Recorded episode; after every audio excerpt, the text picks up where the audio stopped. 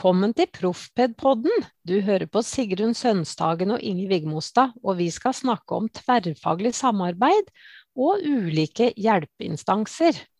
Som pedagog så møter vi jo mange ulike utfordringer i arbeidet i barnehage og skole, og det er ikke meninga at vi skal stå i alle utfordringer alene.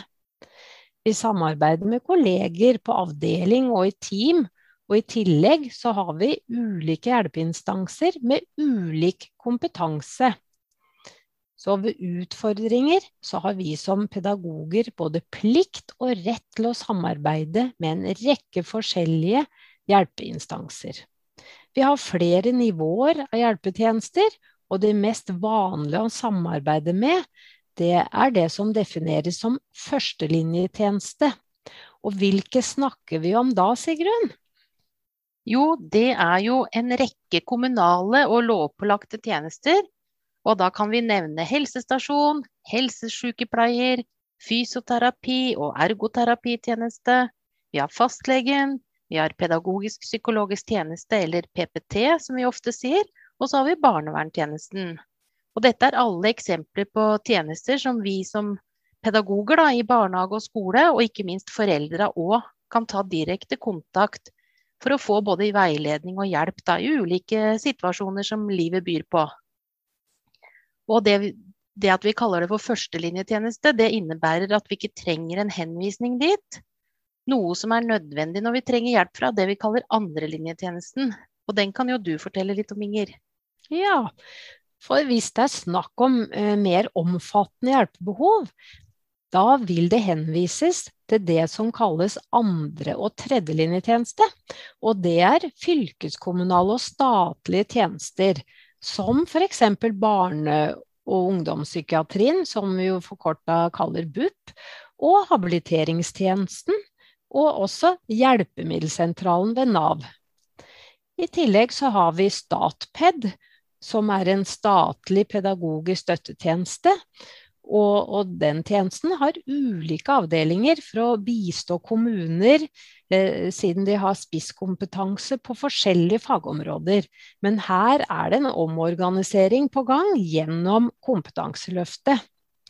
Ja, og hvis vi nå skal snakke litt mer om PPT, pedagogisk psykologisk tjeneste, som jo er den tjenesten som er relevant med tanke på opplæringstilbudet i barnehage og skole, så hva kan du fortelle om hvorfor vi da skal samarbeide med denne tjenesten? Jo, nå er det jo sånn at PP-tjenesten har to mandater som er lovhjemla, som vi sier. Altså det står i opplæringsloven. Og det ene mandatet er det systemretta arbeidet. Det betyr at PPT skal hjelpe til med både kompetanseheving og organisasjonsutvikling, som betyr at eh, det innebærer rett og slett en operasjonalisering av styringsdokumenter og implementering av utviklingsarbeid. Så det betyr at PPT kan være inne i tett på både barnehager og skoler og jobbe systematisk over tid. Så er det det andre mandatet, som også kanskje er mest ressurskrevende. Og det er de sakkyndige vurderingene som skal utarbeides der loven krever det. Og det er f.eks. spesialpedagogisk hjelp og spesialundervisning. Det kan være tegnspråkopplæring, og det kan være behov for alternativ supplerende kommunikasjon.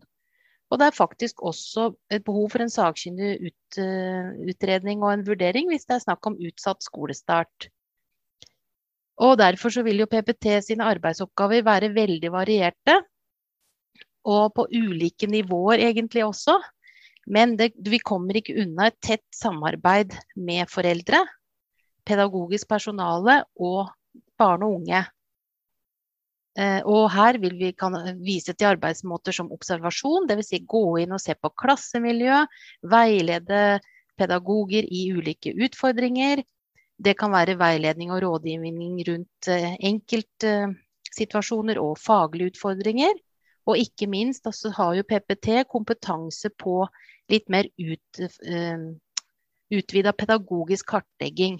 Så det med utredning, og ikke bare i forhold til sakkyndige vurderinger, blir sentralt der.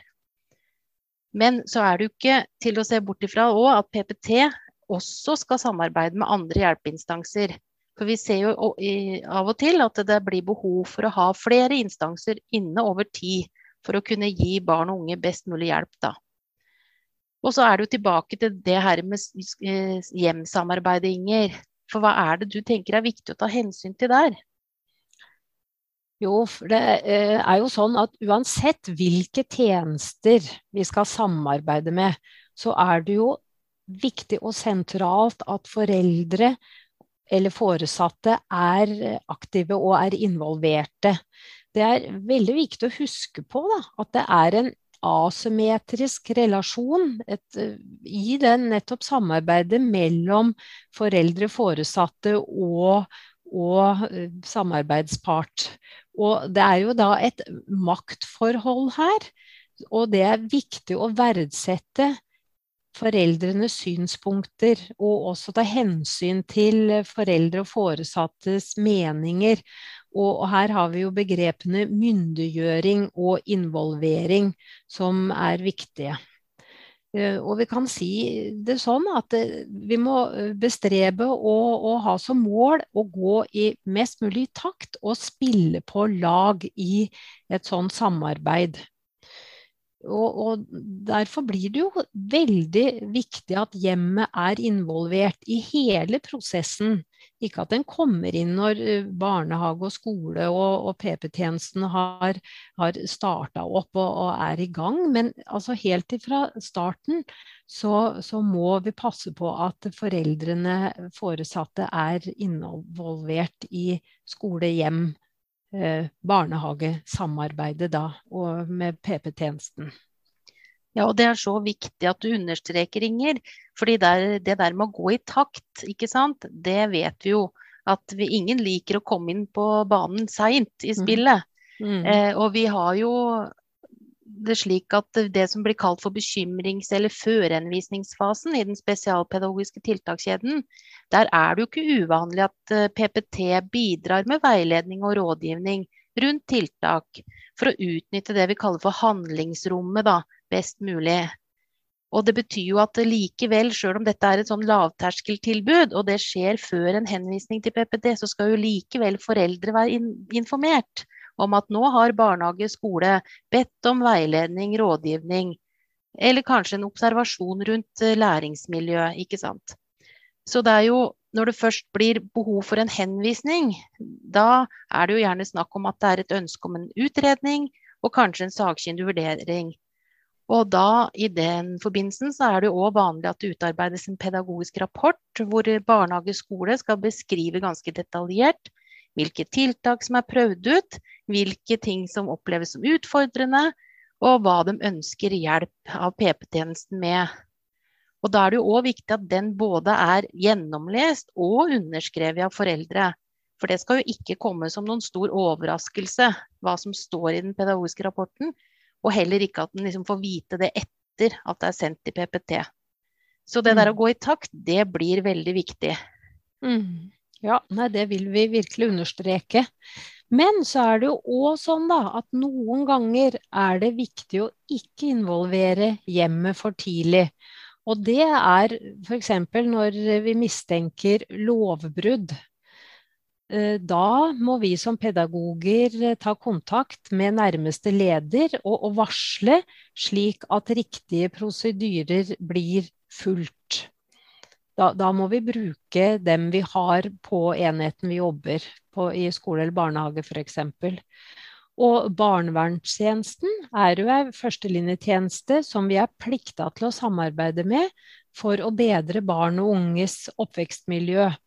Og den tjenesten den kan bidra med hjelp på mange forskjellige måter.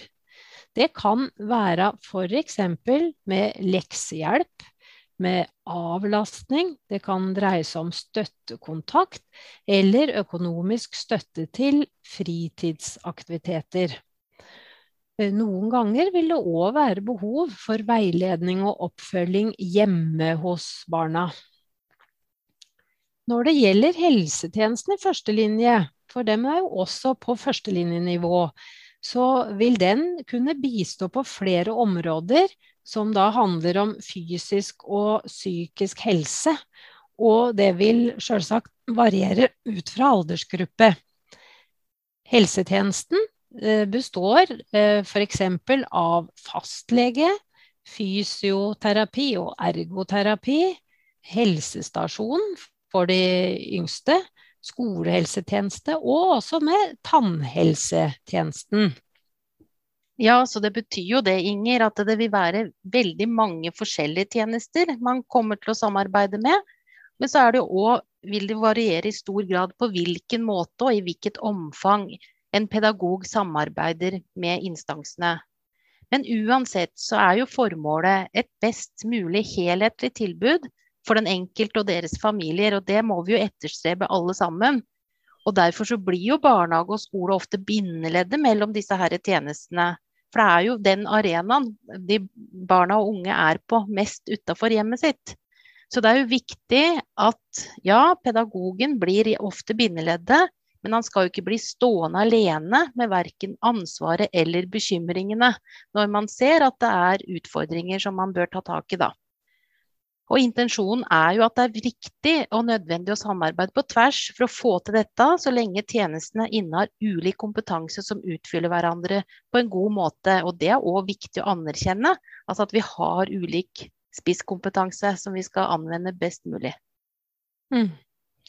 Ja, og til slutt må vi si at uh, derfor blir det jo viktig å ha kjennskap til nettopp de ulike hjelpeinstansene vi har, med tanke på tidlig innsats, å komme tidlig inn.